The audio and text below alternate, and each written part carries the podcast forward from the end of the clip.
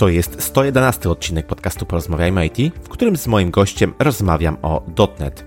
Przypominam, że w poprzednim odcinku rozmawiałem o wykorzystaniu danych dzięki chmurze. Wszystkie linki oraz transkrypcję dzisiejszej rozmowy znajdziesz pod adresem porozmawiajmyit.pl łamane na 111. Ocena lub recenzja podcastu w Twojej aplikacji jest bardzo cenna, więc nie zapomnij poświęcić na to kilka minut. Sponsorem dzisiejszego odcinka jest platforma rekrutacyjna Solid Jobs. Jeśli szukasz pracy w IT, koniecznie odwiedź adres solid.jobs. Znajdziesz tam tylko oferty pracy z widełkami wynagrodzeń. Jeśli aktualnie nie myślisz o znalezieniu nowej pracy, to koniecznie zapisz się na Job Alert. Otrzymasz regularne wiadomości e-mail z zestawieniem ofert, które mogą Cię zainteresować. Jeśli w swojej pracy dalej korzystasz z SVN-a, to koniecznie odwiedź Solid Jobs. Ja się nazywam Krzysztof Kępiński, a moją misją jest poszerzanie horyzontów ludzi z branży IT. Środkiem do tego jest m.in. ten podcast. Zostając patronem na platformie Patronite możesz mi w tym pomóc już dziś. Wejdź na porozmawiajmyoit.pl łamane na wspieram i sprawdź szczegóły. Jednocześnie bardzo, ale to bardzo dziękuję moim obecnym patronom. A teraz życzę Ci już miłego słuchania. Odpalamy. Cześć, mój dzisiejszy gość to .NET Developer z ponad 9-letnim komercyjnym doświadczeniem w ASP.NET. Tworzył oprogramowanie wykorzystywane przez Samsung Electronics czy Falk, twórca szkoły .NETA, kanału na YouTube o nazwie Porozmawiajmy o programowaniu, a także grupy na Facebooku Naucz się .NETA. Moim waszym gościem jest dzisiaj Kajetan Duszyński. Cześć Kajetan, bardzo miło mi gościcie w podcaście. Cześć Krzysztof, dziękuję Ci bardzo za zaproszenie. Jest mi niezwykle miło, że będę mógł z Tobą dzisiaj porozmawiać na, mam nadzieję, bardzo interesujący temat, jakim jest właśnie .NET. Jestem o tym przekonany. Tak sobie właśnie przed chwilą pomyślałem, że to będzie najkrótszy tytuł odcinka z mojego podcastu, bo tylko cztery w sumie znaki. .NET, dokładnie. E, ale zanim wiesz, zanim przejdziemy właśnie do, do e, bardziej e, merytorycznej rozmowy, no to u mnie klasycznie na początek jest zawsze pytanie, czy słuchasz Kajtan podcastów? Może masz jakieś swoje ulubione, którymi możesz się podzielić? Pewnie. Znaczy, powiem Ci tak, y, od jakiegoś czasu, to znaczy od roku, od kiedy zaczęła się pandemia, troszeczkę mniej słucham, bo zwykle słuchałem podcastów, jak dojeżdżałem do pracy, jak gdzieś się przemieszczałem. No, przez ostatni rok troszeczkę mniej się przemieszczamy, natomiast tak czy inaczej, jeśli chodzi o kilka podcastów, staram się zawsze być na bieżąco. I jeśli chodzi o moje tematy, o, moje, o, o tematy technologiczne, to na pewno jest to jeden z zagranicznych podcastów .NET Rocks, gdzie dwóch chłopaków rozmawia na najróżniejsze tematy i dzięki temu zawsze jestem e, na bieżąco, zawsze mogę być na bieżąco z e, moim światem, ze światem .NETA. Natomiast jeśli chodzi o polskie podcasty, no to oczywiście e, wiadomo, jest, jest twój podcast, który zawsze daje ciekawe spojrzenie Dzięki. na najróżniejsze tematy, ale też muszę się przyznać właśnie w związku z tym, co robię w internecie, jak działam w internecie, to Dużo więcej ostatnio słucham też podcastów związanych z biznesem, z rozwojem osobistym e, i, i, i tak tutaj mamy na przykład biznes dziś e, Mirka Burnejko i Bogusza Pękalskiego, e, czy oczywiście Mała Wielka Firma, która jest myślę wszystkim znana.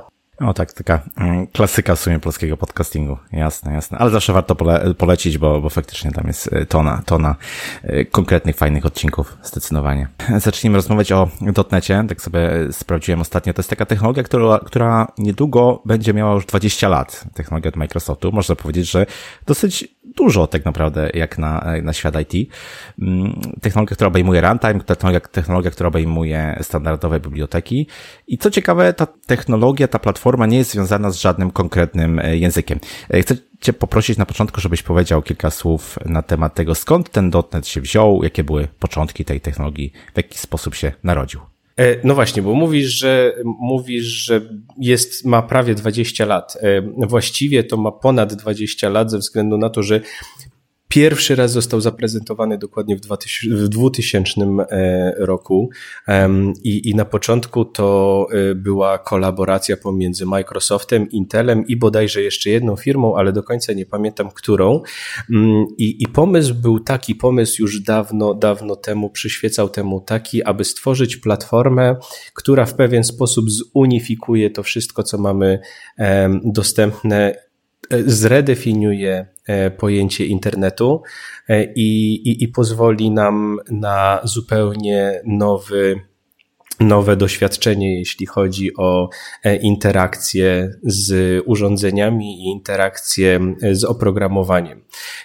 .NET sam w sobie miał takie, takie plany, aby jakby Microsoft miał takie plany, aby .NET był wszędzie. Nawet Windows w pewnym momencie miał się nazywać Windows.NET.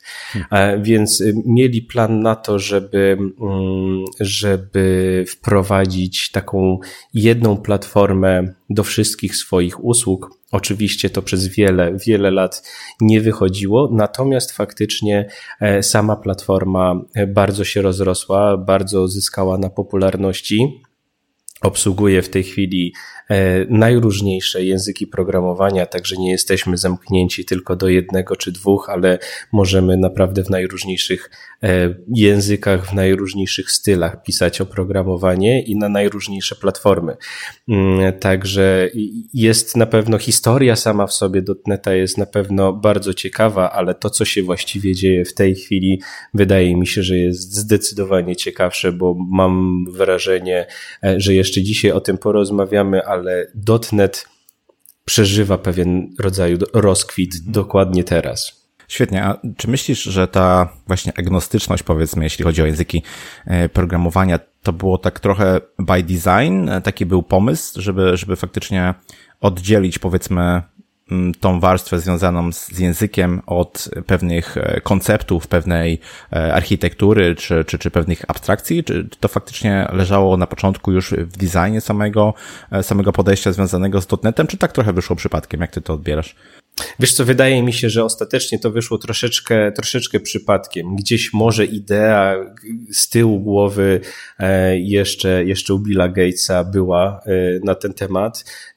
Natomiast myślę, że technologicznie gdzieś to jeszcze było za wcześnie na to, żeby, żeby podejmować tego typu próby. E, że, mhm. że jeszcze technologia, jeszcze ten, ta architektura, którą, którą znaliśmy, nie była gotowa na to, żeby, żeby zunifikować to wszystko wszystko, żeby, żeby stworzyć coś, co będzie właśnie, tak jak powiedziałeś, zupełnie oddzielone od języka programowania um, i, i, i, i żeby można było mówić o o takim podejściu zupełnie ca całościowym do, do platformy Microsoftu jako takiej. Natomiast y, myślę, że tak jak, tak jak mówię, myślę, że gdzieś u pracowników cały czas z tyłu głowy to się działo e, i po prostu ewoluowało przez lata okay, to powiedzmy może mm, właśnie jakie języki mamy obecnie do wyboru, bo z, z, tego co się orientuję, to są bardzo różne języki, nawet e, gdyby porównać paradygmaty, możemy sobie wybierać i ten bardziej funkcyjny, ten bardziej e, obiektowy. E, jakie najpopularniejsze powiedzmy języki związane z .NETem obecnie byłbyś w stanie wymienić i które mm, polecałbyś też na początek? Myślę, że można się trochę zgubić. Pewnie, e, pewnie. No właśnie, e, wybór jest olbrzymi, bo e, może zacznę od, od końca, tak właściwie, i od tego, co wspiera .NET, ale co nie leży u jego fundamentów, bo mhm. przy .NETie możemy programować zarówno w Pythonie, możemy programować w Javie i możemy programować w najróżniejszych językach, natomiast u podstawy samego .NETA leżą trzy języki i jest to C Sharp, F Sharp i Visual Basic. E, I ja ze swojej strony oczywiście zawsze polecam C Sharpa jako język zdecydowanie najczęściej używany, najbardziej uniwersalny. E, jest to język, jak wszystkie języki z rodziny C, język obiektowy i i zdecydowanie najpopularniejszy. Faktycznie najwięcej materiałów do, do nauki jest w tym C-Sharpie, natomiast jeżeli kogoś interesuje programowanie funkcyjne, to zdecydowanie, e, zdecydowanie można polecić F-Sharp. E, no i, i pozostaje jeszcze ten Visual Basic. Kiedyś usłyszałem, że był to język stworzony y, dla sekretarek. To znaczy, oczywiście, absolutnie nikogo nie obrażając, ale e, no, wiemy, że, że programiści potrzebują, powiedzmy, jakiegoś rodzaju abstrakcyjnego myślenia, właśnie myślenia o obiektach i dodatkowo muszą nauczyć się składniej tych języków. Natomiast Visual Basic miał być językiem najbardziej zbliżonym do, do języka, którym się posługujemy na co dzień. W związku z tym e, teoretycznie ten próg wejścia miał być jak najniższy. No natomiast od, od, od, od jakiegoś czasu już, już sam Microsoft się tak bardzo na tym języku nie skupia e, i, i, i faktycznie takimi dwoma podstawowymi w tej chwili już będą C Sharp i, i F Sharp. No, myślę, że możemy sobie gdzieś tam e, robić jakieś e, mniejsze lub większe żarty na temat Visual Basica, ale gdyby spojrzeć na ten, ten indeks TIOP, czy powiedzmy tam inne, inne sposoby mm, określenia najpopularniejszych języków albo najczęściej stosowanych, to Visual Basic jest tam ciągle dosyć, dosyć wysoko. Mm, no, C Sharp oczywiście też zajmuje bardzo wysoką e, pozycję.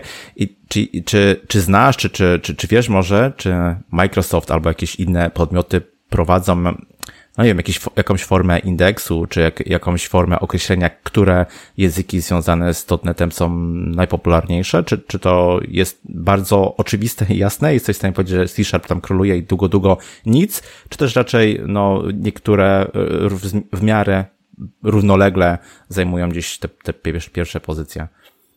Znaczy, wiesz co, wydaje mi się, że to najbardziej widać e, po tym, co prezentuje Microsoft. Za każdym razem, kiedy jest jakakolwiek konferencja związana z nowym dotnetem, związana z jakimiś nowościami w dotnecie, to praktycznie wszystkie przykłady są oparte o C-Sharp. Oni sami tam najchętniej tego C-Sharpa używają, e, a, a popularność Visual Basica, jeśli chodzi o indeksy wszelkie na Stack Overflow, na, na Tiobie, to jest e, bardziej związane tak naprawdę właśnie cały czas z dostępnością Visual Basic for Applications, czyli, czyli technologii do, do tworzenia makr, na przykład w Excelu i, i cały czas dużo osób próbuje automatyzować swoją pracę i bardzo dobrze oczywiście, ale próbuje automatyzować swoją pracę biurową właśnie za pomocą mm, tego tego Visual Basica i dlatego on będzie jeszcze przez długi czas na pewno wysoko w tych rankingach wszelkich. E, to, to, to nie, nie, nie ulega żadnym wątpliwościom. E, natomiast jeśli chodzi o trendy i o to, e, w co inwestuje Microsoft, no to, no to tutaj C Sharp zdecydowanie króluje i, i, i króluje tutaj niepodzielnie. Okej. Okay. Rozumiem. Myślę sobie, że pewnie sporo jest też takich projektów typu Legacy napisanych chociażby w Visual Basic, które trzeba utrzymywać, rozwijać, które nie sposób wręcz przenieść i to, to też może gdyby podbijać trochę te współczynniki, ale to okej, okay. E, gdyby inny temat. Na początku, gdy Cię przedstawiałem, powiedziałem, że masz mm, wieloletnie doświadczenie w ASP.NET. Teraz chciałbym Cię zapytać właśnie o tą technologię, jak ona się wpasowuje w cały ten krajobraz, całe to spektrum e, możliwości e, .NETA, gdzie się, gdzie się wykorzystuje, jakie możliwości nam daje. Pewnie, y, bo to też tego nie powiedzieliśmy na samym początku, ale e, jeśli chodzi o .NET, to mamy możliwości tworzenia najróżniejszych aplikacji. To mogą być aplikacje desktopowe, mogą być aplikacje webowe, jest chmura, jest IoT, jest machine learning, jest e, game dev, także cała, całe spektrum, jeśli chodzi o programowanie, jest obsłużone przez .NET. Natomiast ja faktycznie siedzę przede wszystkim w ASP, e, czyli w technologii webowej, e, która też już od wielu lat ewoluowała i, i, i co roku właściwie się zmienia. Zmienia się, wydaje mi się, na lepsze. I w, i w tej chwili widzimy taki trend, że ASP.NET Core czy ASP.NET y, z powrotem, jeśli chodzi o y, najnowszą wersję w .NET 5, jest najchętniej i najczęściej wybieranym backendowym frameworkiem, jeśli chodzi o, um, o, o, aplikacji webowych. To opieram swoje dane na, na najnowszej ankiecie właśnie ze Stack Overflow, gdzie, gdzie ten ASP.NET Core zdecydowanie wyprzedził wszelkie inne frameworki i, i jest oceniany jako ten najbardziej lubiany i najbardziej przyjazny deweloperom. Także, także zdecydowanie po, polecam spróbowanie swoich sił, e, jeżeli kogoś interesuje ten backend development w, w dotnecie. E, I, i, i widać, że samo zainteresowanie webem i, i ASP.NET cały czas, cały czas rośnie. Mamy od kilku lat taki trend, gdzie wszystko właściwie, co tylko można, przepisuje się do weba, więc te technologie wystrzeliły. Oczywiście z jednej strony, od strony frontendu mamy, e, mamy olbrzymi boom na wszelkie frameworki frontendowe, e, co, co też w dotnecie od jakiegoś czasu ma, ma miejsce, natomiast ten, ten core e, backendowy tutaj bardzo mocno się rozwija. Widzimy cały czas ewoluujące architektury, które, które są coraz bardziej przyjazne skalowalnym aplikacjom, więc, y, więc naprawdę y, nawet jeżeli, nawet jeżeli ktoś w tej chwili programuje w innych językach, to warto spojrzeć na, na, na ASP, ponieważ ta platforma faktycznie myślę, że jeszcze może sporo namieszać w najbliższych latach. No właśnie, teraz może spróbujmy to porównać do takich technologii, e, które też się mocno kojarzą nam z backendem aplikacji webowych typu Python, właśnie Ruby, Java. E, tam najczęściej z frameworkiem mamy taki zestaw możliwości, jak e, no, jakiś powiedzmy podejście typu MVC, jakiś, jakiś ORM, e, jakieś e, wsparcie do tworzenia API. Domyślam się, że podobne komponenty funkcjonują też w ASP.NET, tak? To tutaj jest podobne podejście, czy też może zupełnie inne? Oczywiście, oczywiście jest bardzo podobne. E, nawet jedna z części ASP jest nazwana po prostu ASP.NET MVC, gdzie jakby u podwalin leży, leży ten wzorzec on już nie jest tak do końca wykorzystywany. Zresztą mam wrażenie, że, że we wszystkich językach e, jakby ta architektura ewoluowała w ten sposób, że, że, że takie czyste MVC już nie jest do końca wykorzystywane e, ze względu na to, że daje nam zbyt małe rozproszenie mm, e, naszych zależności i, i, i zbyt mocne powiązanie pomiędzy różnymi zależnościami, w związku z czym powstały architektury, które fakt nadal wykorzystują MVC, ale, e, ale nie jest to klucz do sukcesu.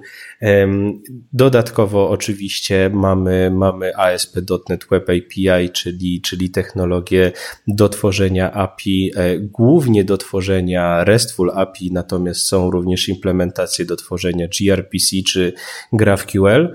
E, a jeśli chodzi o, mm, o ORM-y, no to tutaj jest zdecydowanie najciekawiej. E, ze względu na to, że mam wrażenie, że nawet pomiędzy dotnetowcami tworzy się ostatnio taka już niemal święta wojna. Znamy wszyscy świętą wojnę pomiędzy javowcami a dotnetowcami i to się nigdy prawdopodobnie nie skończy.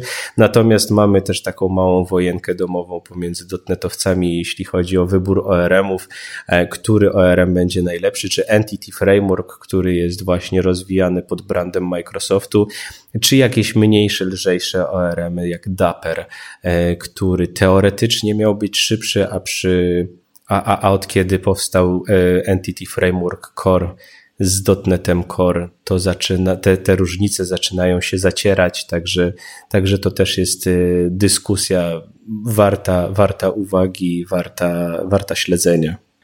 Ciekawe, ciekawe. Czyli niezależnie od technologii takie, takie wojenki się gdzieś tam e, toczą. No, myślę sobie, że konkurencja jest dobra, więc to może, może i z korzyścią dla wszystkich. Nie? Zdecydowanie.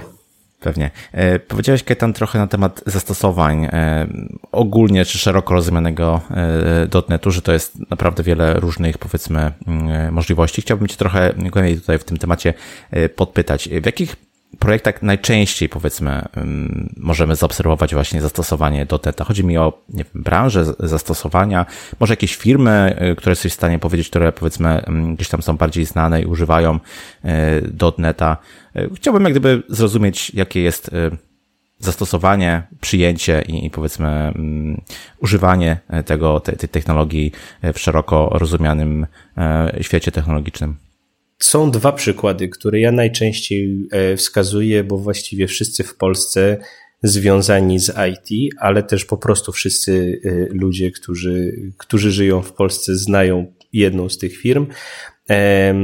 I, I są to po pierwsze Stack Overflow. Stack Overflow bardzo mm, dużo swojego stacku technologicznego ma opartego o .NET i, i bardzo się tym chwalą i bardzo się tym szczycą, że, że, że faktycznie wykorzystują tą technologię i, i, i z powodzeniem mogą tworzyć, rozwijać swoje usługi właśnie w oparciu o, o, o webową technologię e, .NETA, a drugą E, firmą jest e, polski mBank. Polski mBank od wielu, wielu lat opiera się na dotnecie. Wcześniej się opierał na ASP.NET Webforms e, jeszcze, jeszcze wiele, wiele lat temu. Jakiś czas temu przeszli właśnie na MVC. W tej chwili w, te, w tej chwili wiem, że mają swój stack oparty o mikroserwisy w ASP.NET Core i, I pamiętam jeszcze kilka lat temu, jak dopiero ASP.NET Core wychodził, to oni już szukali deweloperów, którzy, za, e, którzy mogliby zaadoptować właśnie tą technologię, tą wersję e, w ich systemach, więc oni, oni bardzo chętnie patrzą na te nowości związane z .NETem. No a skoro branża bankowa jest w stanie e, zaufać tej technologii, no to, no to myślę, że, że mówi się, że, że, że nie, nie, trzeba wiele dopowiadać, jeśli chodzi o bezpieczeństwo i i jeśli chodzi o, o, o zaufanie do, do technologii. Także y, też y, odpowiadając może y, w drugą stronę na Twoje pytanie, zdecydowanie największy największy wzrost widzę w aplikacjach webowych, bo mamy, mamy drugą działkę, która myślę, że w najbliższych latach będzie się mocno rozrastać. To znaczy pod Microsoftem tworzony jest silnik Unity do gier E, i, i, i na pewno on będzie jeszcze wykorzystywany w wielu, wielu dużych produkcjach i tam też wsparcie dla samego C Sharpa jest coraz większe, więc będzie coraz większa dostępność tej platformy dla, dla deweloperów. Natomiast e, faktycznie E, najbardziej popularny jeszcze myślę przez wiele lat będzie właśnie ASP.NET i, i, i wszelkie technologie webowe, które też świetnie się potem w chmurę wpasowują, e, co, co, co też wiemy, że, e, że jest trendem od kilku lat. No to może być jakaś droga do sukcesu. Podobnie jak na przykład jest, czy było z JavaScriptem, który też no, możliwy do wykorzystania na różnych e, platformach e, od serwerowej po webową i mobilną, powoduje, że e, no, firmy z chęcią chcą inwestować w technologię, która będzie w stanie być używana przez teoretycznie tego samego dewelopera, który gdyby będzie ją w stanie z kolei wykorzystać w różnych e, polach, na których ta, ta firma działa. I tutaj, skoro mówisz, że e, faktycznie pod parasolem .NETA jak gdyby coraz więcej, coraz szerzej technologii plus zastosowań może, może się zmieścić, no to, to, to faktycznie może spowodować, że coraz więcej osób zacznie z tego korzystać. I, i to jest jak gdyby jedna rzecz, też tak sobie myślę, żeby odnieść sukces. Drugą rzeczą to jest wsparcie. Wsparcie i od twórcy, no tutaj mamy potężnego gracza w postaci Microsoftu, ale i też community, no bo co by nie było, nawet taka super fancy technologia bez tego wsparcia community może się szybko, mm, no gdzieś tam rozpaść, nie będzie po prostu przyjęta, nie? To jednak deweloperzy są takimi adwokatami, często przekonują do, do danej technologii, po prostu jeśli się z tą technologią nie czują, nie ma tam tego community, to ta technologia też gdzieś może, y, no nie przejść. Mm, do tego pytania mam do Ciebie, jak to wygląda właśnie w przypadku .NETA, jakbyś mógł coś powiedzieć na temat e, community, na temat też wsparcia e, twórców. Jak to pomaga w zwiększaniu popularności tej technologii? Wiesz co, fajnie, że wspomniałeś o, o tym dużym graczu, tak naprawdę, e, bo, bo to też jest kwestia warta uwagi, bo jeśli chodzi o Microsoft, to e, nie wiem na ile e, ty czy twoi słuchacze śledzą poczynania, czy słyszą o poczynaniach Microsoftu, ale raz na jakiś czas, ostatnio mam wrażenie, że coraz częściej Microsoft, nazwijmy to kolokwialnie, wybiera się na zakupy. Jak wybiera się na zakupy, to oni jeńców nie biorą bo, bo już kupili jakiś czas temu GitHuba. GitHub jest Microsoftu. Wszyscy myśleli, o, no to GitHub się skończy, a okazało się, że GitHub znowu przeżywa rozkwit. E, mało osób wie o tym, że LinkedIn jest Microsoftu. Też wszyscy myśleli, o nie, no to będziemy uciekać, bo, bo, bo teraz będzie zalew czy reklam, czy czegokolwiek innego. LinkedIn się skończy. LinkedIn rozkwita. E, dzisiaj, dosłownie dzisiaj, kilka godzin temu przeczytałem, że, link, e, że Microsoft prowadzi rozmowę o tym, żeby przejąć Discorda. No i e, no właśnie, e, to, to jeśli chodzi o deweloperów, może tak nie do końca, bo bardziej chodzi im o to, żeby rozwinąć swoje portfolio związane z Xboxem. Natomiast wiemy też, że cała masa deweloperów odchodzi troszkę od Slacka, przechodzi bardziej w stronę Discorda, więc to też może być ciekawe e, rozwinięcie ich usług. No i właśnie, wspominasz, wspominasz i chciałbyś usłyszeć trochę o community. Hmm Mam wrażenie, że kilka lat temu, kiedy ja zaczynałem programować, to już trochę więcej nawet niż kilka, kiedy, kiedy ja stawiałem swoje pierwsze kroki w dotnecie, to tych informacji w internecie nie było zbyt dużo. Nie, nie było tego community, albo nie było ono e, tak rozwinięte, jak jest w tej chwili. Mieliśmy w Polsce kilku blogerów, mieliśmy za granicą kilku blogerów, Natomiast tych informacji też nie było jakoś nie wiadomo ile. Ale znowu, Microsoft od kilku lat, e, kilka lat temu postanowił, że .NET będzie open source'owy. Tak właśnie powstał .NET Core. E, po to między innymi został kupiony GitHub, żeby właśnie tam zahostować całego .NETA i w tej chwili ilość open source'owych rozwiązań dotnetowych jest naprawdę olbrzymia. Dodatkowo na GitHubie powstają solucje, które przedstawiają jako demo jakichś technologii, bibliotek. Mamy dema najróżniejszych architektur, także na samym GitHubie można, można spędzić godziny obserwując najróżniejsze projekty, z których moglibyśmy się naprawdę bardzo dużo nauczyć. E, no a tak jak wspomniałem o ankiecie e, Stack Overflow wcześniej, mm, y, o dotnecie się bardzo dużo mówi na, na Stack Overflow. Praktycznie codziennie dochodzą nowe pytania, nowe odpowiedzi i te odpowiedzi są bardzo wysokiej jakości, także można, można bez żadnego problemu znaleźć odpowiedzi. Już nie mówiąc o tym, że ja sam staram się oczywiście propagować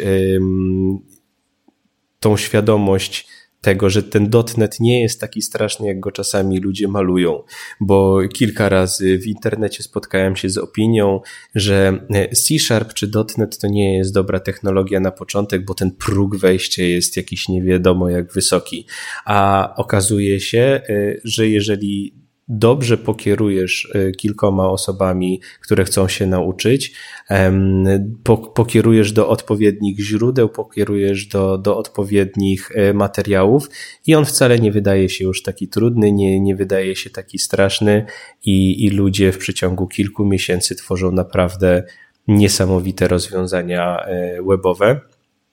I, i tej pomocy naprawdę nie trzeba daleko szukać. Także, e, także to community rośnie i, i, i zdecydowanie jest takie, mam wrażenie, dosyć przyjazne.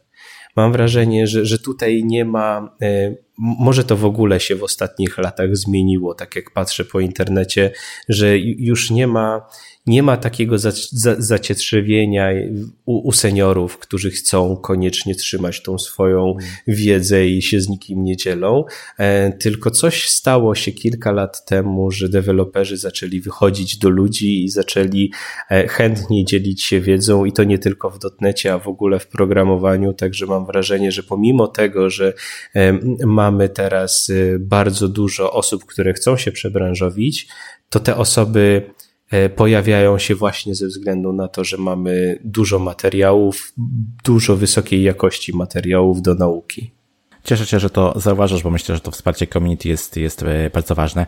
To teraz chciałbym Cię zapytać o e, roadmapę dla .NETA, czyli jaką przyszłość właśnie tej technologii przewiduje Microsoft, co mm, w najbliższym czasie planuje wypuścić, jakie, w jakim kierunku po prostu tą technologię popchnąć. Microsoft od, y, od, od zawsze co parę lat stara się zaskoczyć czymś.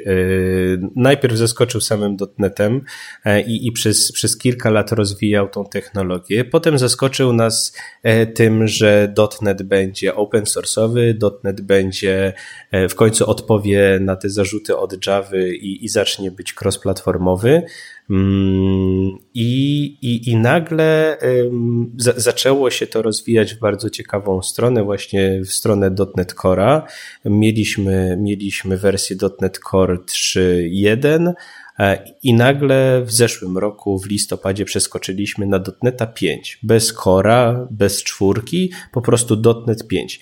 Po co? Po to, żeby oddzielić znowu pewien etap, pokazać, że zaczynamy znowu coś nowego. I pierwszy raz pojawiło się właśnie coś takiego, o czym wspomniałeś, czyli .NET Roadmap.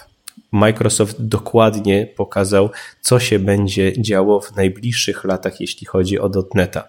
To znaczy, teraz wiemy, jaką, jaką wersję mamy w tej chwili, jaką wersję będziemy mieli w przyszłym roku, jaką wersję będziemy mieli za trzy lata. W tej chwili będzie wyglądało to tak, że co roku będziemy mieli nową cyferkę, która teoretycznie mogłaby nic nie zmieniać, bo to jest tylko, tylko cyfra e, związana z, z jakąś tam wersją. Natomiast też e, część e, tych wersji będzie oznaczona znaczkiem LTS, czyli Long Term support. E, I, I też już słyszałem, e, bo, bo taka wersja będzie wychodziła co dwa lata. W tej chwili mamy dotneta 5, który tego LTS nie ma. To będzie dopiero od wersji szóstej i tutaj pojawia się znowu ta sama analogia, która się pojawia bardzo często e, w przypadku Microsoftu. To znaczy, że oni co dwie wersje wypuszczają coś dobrego. Zawsze się tak o Windowsie mówiło, że Windows XP był świetny, potem była Vista, którą wszyscy, e, o, o której wszyscy woleliby zapomnieć, potem była siódemka, e, wspaniała, ósemka nie, nie najlepsza i teraz mamy dziesiątkę, która faktycznie jest fajnym produktem i podobnie w tej chwili planują zrobić z .NETem, to znaczy .NET 6 w związku z tym, że chcą oznaczyć ją jako LTS, myślą, domyślam się, że, że będzie to bardziej dopracowana wersja piątki, którą będą przez najbliższe trzy lata chcieli wspierać. I co to oznacza w przypadku open source'owych projektów? Oznacza to tyle, e, przede wszystkim dla korporacji, które wykorzystują i płacą za niektóre rozwiązania, że będą mieli e, dostęp do lepszego wsparcia od strony supportu Microsoftu. W związku z tym też będzie e, na pewno widoczny trend w upgrade'ach tych frameworków w firmach, e, kiedy, kiedy będzie warto przejść na nowszą wersję, kiedy będzie warto w ogóle myśleć o jakichś zmianach technologicznych i, i w jaki sposób być może lepiej radzić sobie z tak zwanym technical debt E, który, który w wielu firmach na pewno się pojawia właśnie w związku z tym, że pracujemy na starych wersjach oprogramowania. No właśnie, na ten rok, 2021, jest przewidziane wydanie wersji szóstej, czyli ten, tej LTS, o której wspomniałeś. No i tak, tak też e, mówiłeś tutaj, Microsoft mocno stawia na wieloplatformowość. E, jakie takie najważniejsze rzeczy, najważniejsze zmiany nas czekają w tej, w tej wersji, oprócz tego trzyletniego wsparcia? No właśnie, y, to, to, jest, to jest to, co, co Microsoft już ze dwa lata temu powiedział, że Microsoft chce być wieloplatformowy, ale chce te wiele ty, tych wiele platform zunifikować, bo y, w tej chwili mamy problem taki, że zupełnie inaczej programujemy na desktopy, zupełnie inaczej programujemy na um, aplikacje, inaczej programujemy aplikacje mobilne, inne technologie e, wykorzystywane są w webie, e, a to według Microsoftu nie powinno tak wyglądać. Według Microsoftu powinno to wyglądać tak, że tworzymy jak najmniej kodu, który powinien działać na jak największej ilości urządzeń. I w związku z tym e, powstaje coś takiego jak e, MyUI, czyli Multi-Platform App UI, e, który gdzieś tam w, w przyszłości ma zostać rozszerzony o wszystkie platformy. To znaczy, e, teraz zaczyna się dziać na platformach mobilnych na Xamarinie, e, natomiast ma on zostać też rozszerzony o desktopy e, i, i, i, i webówkę. Z drugiej strony mamy e, coś takiego, co się nazywa Blazor, który, który też jest cały czas rozwijany i Blazor zaczął być frameworkiem frontendowym w webie, a będzie powoli przechodził też na inne platformy. Także widać, że to jest kolejne podejście. Tak jak mówiłem na samym początku przy historii, chcieli zunifikować swoje usługi, teraz chcą ponownie zunifikować to, w jaki sposób będziemy tworzyć kod i myślę, pierwszy raz widzę, bo, bo kilka razy już to słyszałem. Już przy e, prezentacji Windowsa 8 pamiętam, że słyszałem, że chcieliby zrobić coś takiego, żeby Windows, e, tak, tak zwany Windows Experience był taki sam na desktopach, e, na urządzeniach mobilnych, na telefonach, na tabletach, to nie wyszło do końca i to w pewien sposób zarzucili. Zresztą wiemy, jak Windows 8 Mobile w ogóle skończył. E, lepiej w ogóle zapomnieć o tej platformie. Natomiast, e, natomiast to jest kolejne podejście i pierwszy raz, szczerze mówiąc, widzę to, że to ma prawo się udać. Ciekawe. E, mówiliśmy tutaj chwilę o tworzeniu aplikacji webowych, powiedzieliśmy, że ASP.NET jest e, fajnym wyborem w tym kierunku, ale wspomniałeś też o e, Blazorze. Właśnie, staje się on coraz bardziej popularny, więc chcę Cię zapytać, czym jest Blazor i taka nowinka, o której też ostatnio wyczytałem, czyli Blazor Desktop. Blazor jest pierwszym frameworkiem frontendowym od Microsoftu.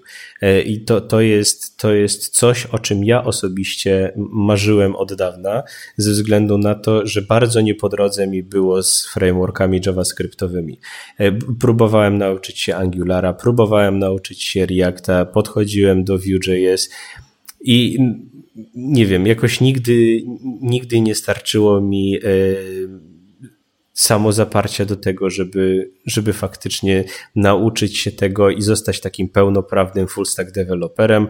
Cały czas siedziałem sobie w tym swoim backendzie, który znałem, który lubiłem i nagle pojawił się Blazor, czyli e, framework frontendowy, w którym jeżeli chcemy, możemy praktycznie w ogóle nie używać e, JavaScriptu, używamy C Sharpa, właśnie opieramy całe swoje rozwiązanie o C Sharpa i o e, silnik Razor, I, I to jest coś, co jeszcze w tej chwili ma swoje bolączki, oczywiście. Tak jak, tak jak każda świeża technologia, e, mamy problemy z performancem, e, mamy problemy w ogóle z obsługą na wielu, na wielu przeglądarkach, bo wykorzystywany jest WebAssembly, które, które jest dosyć świeżą technologią w ogóle w webie.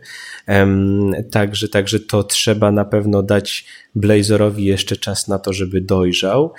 Natomiast y, widzę wielkie zainteresowanie w tym frameworku. Właśnie widzę, że nie tylko ja ch chciałbym, chciałbym wyjść trochę do frontendu i, i poznać trochę smak, e, e, smak tego, żeby, żeby klienci, żeby użytkownicy zobaczyli, co ja właściwie robię, bo to zawsze frontendowcy spijają tą całą hmm. śmietankę, jak się wszyscy zachwycają UI-em, a ci backendowcy biedni sobie siedzą i, i tylko przyklaskują. Tak, dokładnie.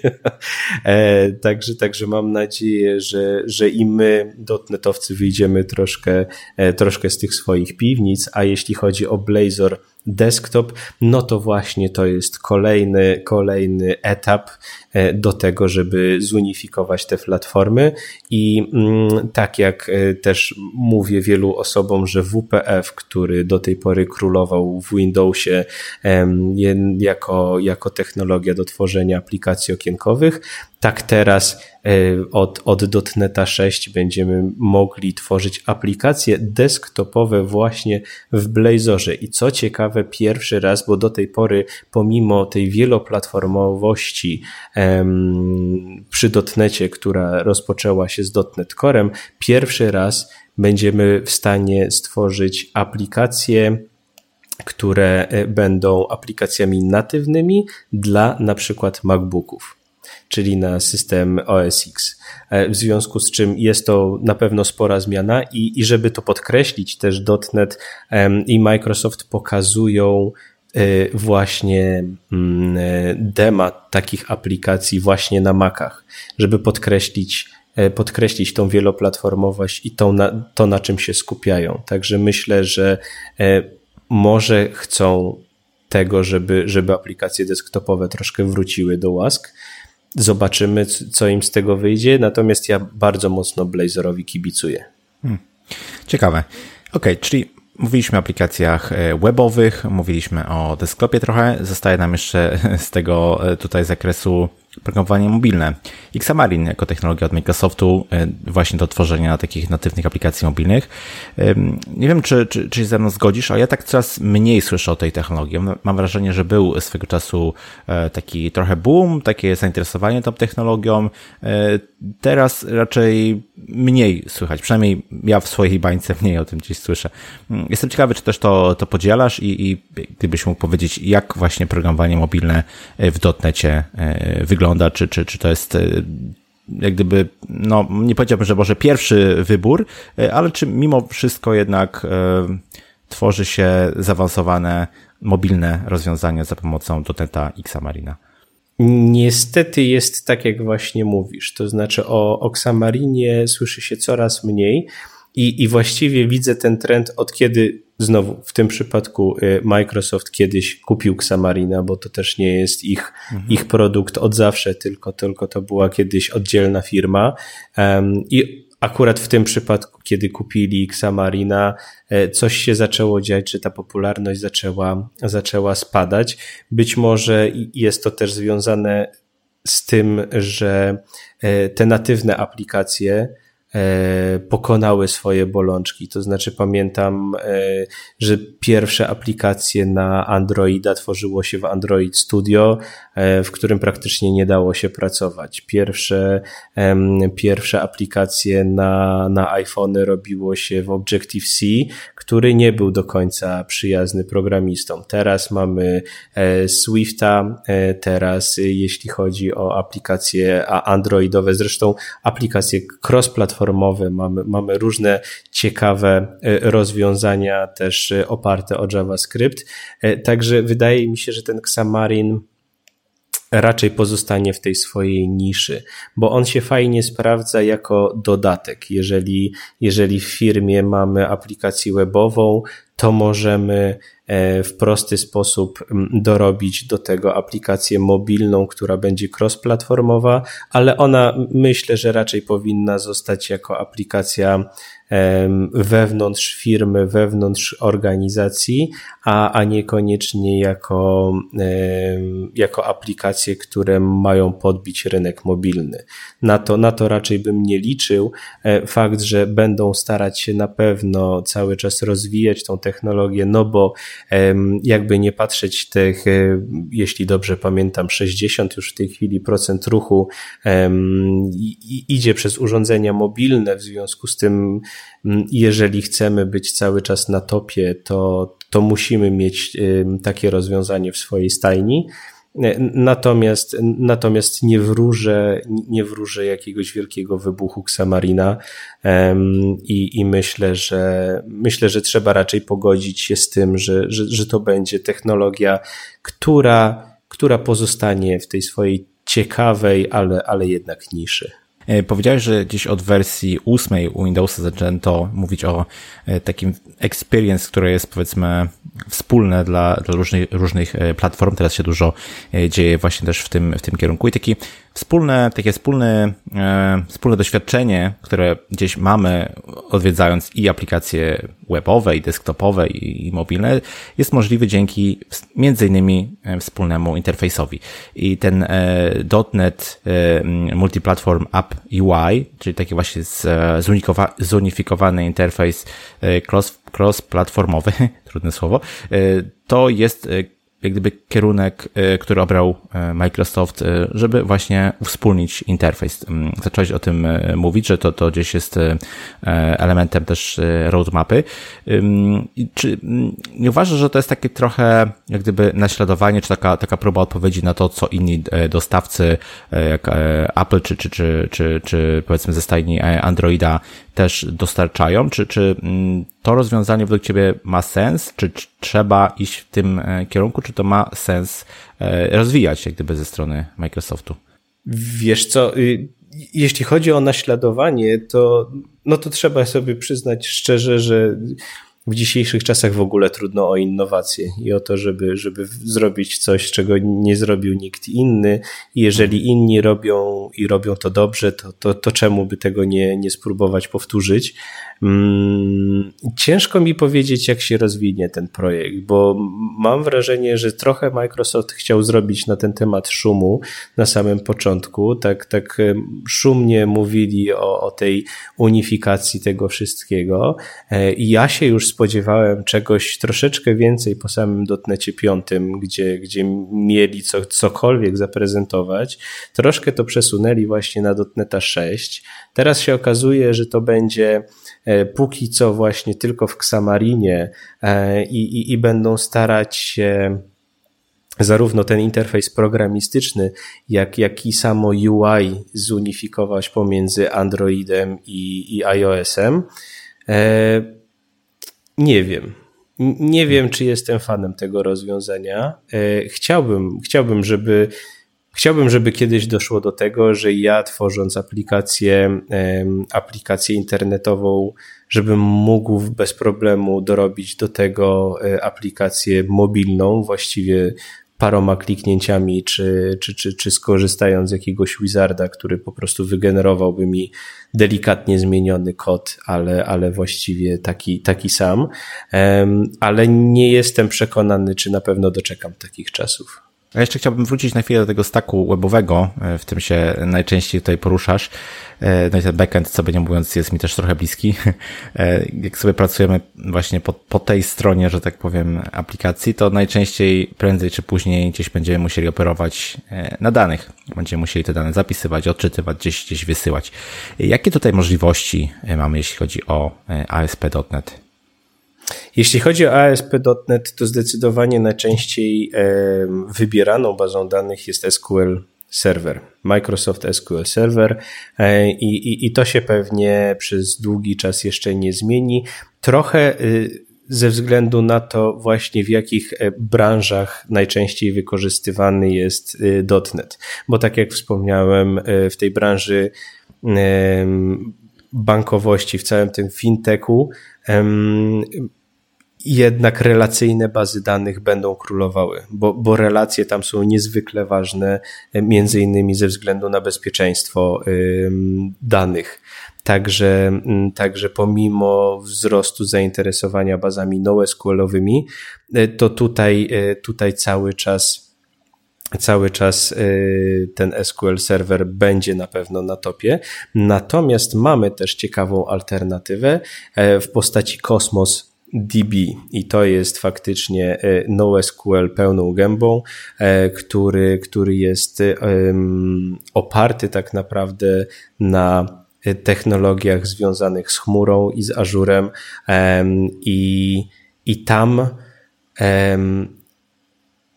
i to rozwiązanie faktycznie ma swoje niesamowite plusy, bo y, mówi się o tym, że Cosmos DB będzie miało najmniejsze opóźnienia w dostarczaniu danych, będzie e, najlepiej skalowalną technologią bazodanową ze względu na to, że możemy bez żadnego problemu rozdystrybuować ją po różnych data center ażurowych, w związku z czym jeżeli będziemy tworzyć aplikację, która powinna być dostępna na całym świecie, to, to jesteśmy w stanie zapewnić dokładnie taki sam dostęp do danych y, zarówno z Europy, jak i z Ameryki czy Azji, co na pewno będzie, e, będzie ciekawe. Natomiast y, ja tak samo jak nie jestem zawsze bardzo optymistycznie nastawiony do może nie powiem nowinek, ale do rozwiązań, które są, na które jest wielki hype, na przykład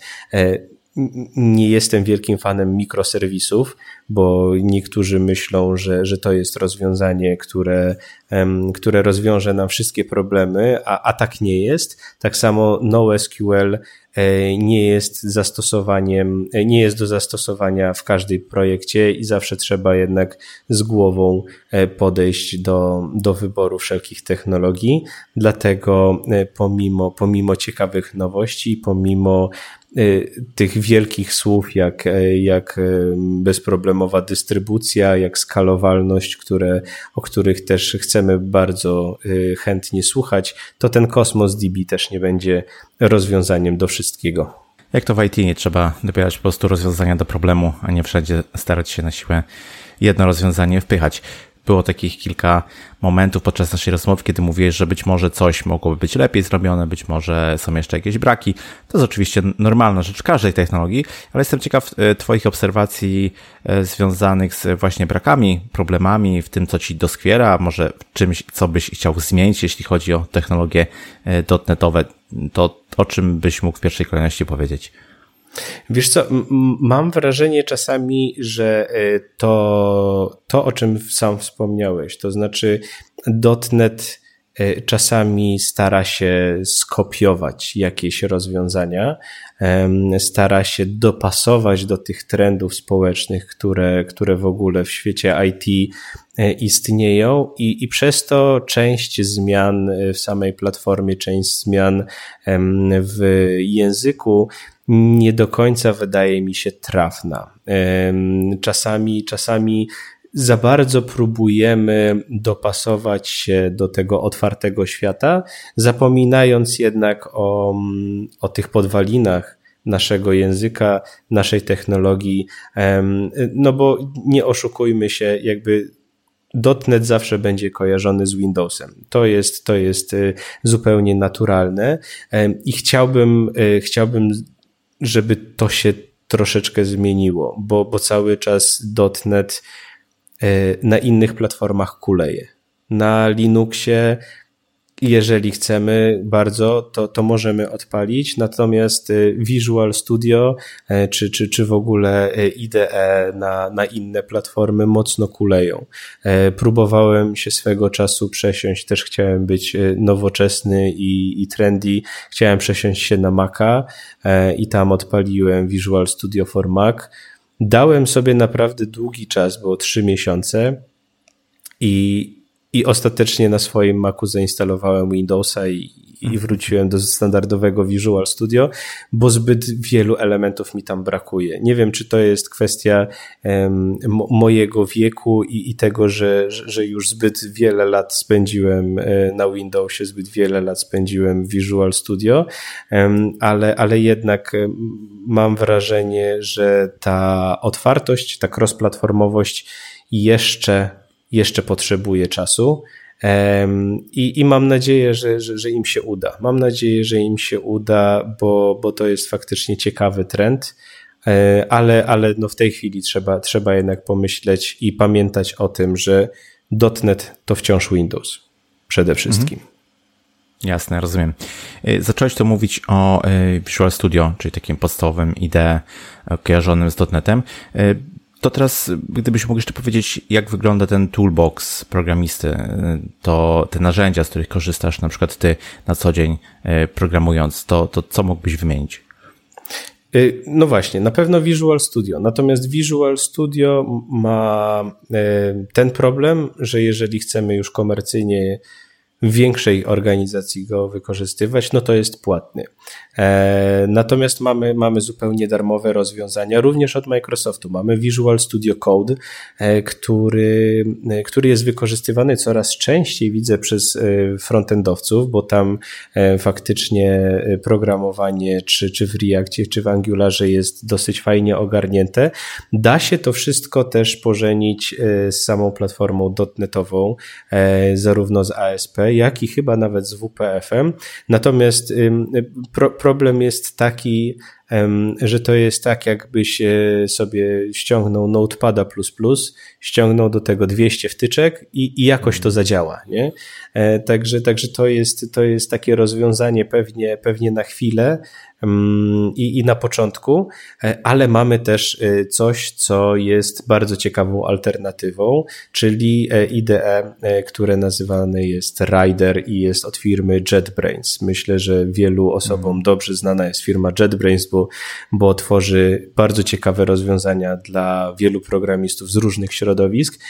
No i, i, i też i też dla dotneta został stworzony Rider. Swego czasu zaczęło się od wtyczki do Visual Studio, jaką jest ReSharper i dopiero przeszło to do, do pełnoprawnego IDE, które faktycznie e, ma bardzo ciekawe funkcjonalności, które ułatwiają taką codzienną pracę. To znaczy więcej skrótów klawiszowych, więcej um, takiego generowanego refaktorowania kodu e, i, i, i część funkcjonalności, która pozwala programistom zapomnieć o, o, o, kilku, o kilku kwestiach, bo, bo dzieją się one automatycznie, e, co, co może być z jednej strony dobre, a z drugiej strony potem jak się okazuje, że czegoś w nowej firmie, do której pójdziemy, może zabraknąć i, i o czymś możemy e, zapomnieć. Także takie, takie trzy główne narzędzia, które są u nas wykorzystywane. No i oczywiście gdzieś tam jest e, Management Studio do, do SQL-a jako, jako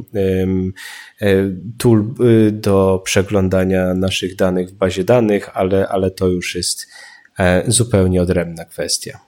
Mm, a jak wygląda teraz rynek pracy związany z, z .NETem? Chodzi mi o ilość ofert, e, wynagrodzenia w porównaniu do innych e, technologii. Jakbyś mógł opisać ten rynek, czy on jest e, na tyle atrakcyjny, żeby właśnie wybierać tą technologię, bo praca czeka na człowieka? Zdecydowanie. Zdecydowanie. To, to w dotnecie faktycznie jest, jest tak jak w tym żarcie, że, że nawet jeśli programista traci, traci pracę, to wtedy to są te to jest najsmutniejsze 7 minut w jego życiu, mhm. E, bo, bo, bo, bo rynek, rynek dotnetowy jest bardzo chłonny i ściąga wszelkich, wszelkiej maści specjalistów. W ostatnim roku faktycznie, ale to myślę, że w każdej technologii widzimy mieliśmy taki przestój lekki, e, że firmy trochę nie wiedziały, co ze sobą zrobić dalej, nie wiedziały do końca, jak będą operować w tym, w tym formacie zdalnym. Też wiem, że niektóre firmy cały czas, pomimo braków kadrowych, wstrzymują się z rekrutacjami, bo nie wyobrażają sobie onboardingu mm, deweloperów e, w formie zdalnej. I, I faktycznie to jest wyzwanie. Jeżeli firma nie ma e, kultury pracy zdalnej, no to, no to, to, jest, to jest wyzwanie, żeby wprowadzić nową osobę. Natomiast jestem, jestem w stałym kontakcie praktycznie z wieloma rekruterami, którzy specjalizują się w staku dotnetowym i, i, i, ci, i ci e, rekruterzy zalewają mnie cały czas ofertami i to najróżniejszymi, od, od juniora e, po, po, po seniora, po team liderów, także, także y, y, rynek jest gotowy. Rynek jest gotowy na to, żeby przyjąć jak największą ilość specjalistów. E, no i też te wynagrodzenia cały czas są w topie. Jest, jest na pewno tak, że, że frontendowcy e, w niektórych e, technologiach mogą zarabiać troszeczkę lepiej, javowcy na pewno zarabiają troszeczkę lepiej, ale ja zawsze jestem zdania, że jeżeli jesteś specjalistą, to, to te różnice są tak marginalne, że, tak. że właściwie jest to pomijalne. Zarówno, zarówno javowiec, dotnetowiec, angularowiec albo frontendowiec mogą zarabiać bardzo podobne y, kwoty, jeżeli są prawdziwymi specjalistami i jeżeli, jeżeli pokażą swoją wartość na, na rynku pracy. Dokładnie, dokładnie, zgadzam się jak najbardziej. No właśnie, po takim zachęceniu nie pozostaje nic innego niż rozpocząć e, uczyć się tych technologii. I aby e, w nie wejść, oprócz dołączenia do szkoły dotneta, którą e, prowadzisz, to co byś jeszcze zalecał? Co byś polecał? Od czego zacząć? Jakich materiałów zacząć? Może jakieś rady na początek? Y, wiesz co, jest też dosyć ciekawa e, rzecz, która, którą ja odkryłem stosunkowo niedawno. Jest coś takiego jak Dev Essentials. E, jeżeli stworzymy sobie na przykład konto na, w chmurze e, Microsoftowej na Azure, to razem z tym kontem dostajemy konto Microsoftowe i dostajemy właśnie konto Dev Essentials, dzięki której dostajemy cały pakiet bonusów na start. I między innymi są to darmowe kredyty właśnie e, na chmurę, żeby wypróbować sobie różne usługi. Jest to pakiet oprogramowania, który tak czy inaczej oczywiście jest darmowy, ale mamy to wtedy zebrane w jednym miejscu. E, I mamy również dostęp do całej platformy Plur, Plural Site. Mhm. Plural Site. To jest platforma e, trochę podobna do Udemy, natomiast, natomiast mam wrażenie, że Plural Site w związku z tym, że jest w formie abonamentowej, e, ma troszeczkę e, inny sposób na to, żeby prowadzić studenta za rękę. To znaczy, tam są wypisane całe ścieżki kursowe, które można przejść, i właśnie dołączając do, do Dev Essentials dostajemy nie wiem, czy w tej chwili nie pamiętam, czy darmowy miesiąc, czy darmowe trzy miesiące właśnie dostępu do Plural Site'a, gdzie możemy przejść sobie um, podstawowe kursy właśnie z .NETA, z C Sharpa, z ASP i myślę, że jeżeli ktoś e, jest gotowy na to, żeby zacząć intensywną pracę, to zdecydowanie można, można od tego zacząć i spróbować stworzyć swoje pierwsze projekty właśnie na podstawie tych kursów. I to, co zdecydowanie chciałbym podkreślić, to to, że żaden kurs nigdy nie da tyle, co sama praktyka. Jeżeli mamy możliwość, to zacznijmy tworzyć swoje projekty jak najszybciej. Poznajmy podstawy składni i stwórzmy swój własny projekt, bo dopiero tam nauczymy się programować, dopiero tam zobaczymy, z czym e, możemy mieć problemy i nauczymy się również wyszukiwania rozwiązań dla tych problemów. Także zdecydowanie to, jaką ścieżkę mogę polecić, to po prostu otwórz Visual Studio, stwórz pierwszy projekt, czy to konsolowy, czy od razu webowy, w zależności od tego, czy masz jakiekolwiek doświadczenie i po prostu zacznij pisać. Tak jest, no nic więcej nie mogę do tego chyba dodać. E, także Kajetan, no bardzo Ci dziękuję za tę rozmowę, za pokazanie świata e, do Neta, za zachęcenie też do e, wejścia do tego świata. E, z mojej strony wielkie dzięki e, za ten czas spędzony i powiedz proszę na koniec, gdzie cię można znaleźć w internecie, jak się z tobą skontaktować.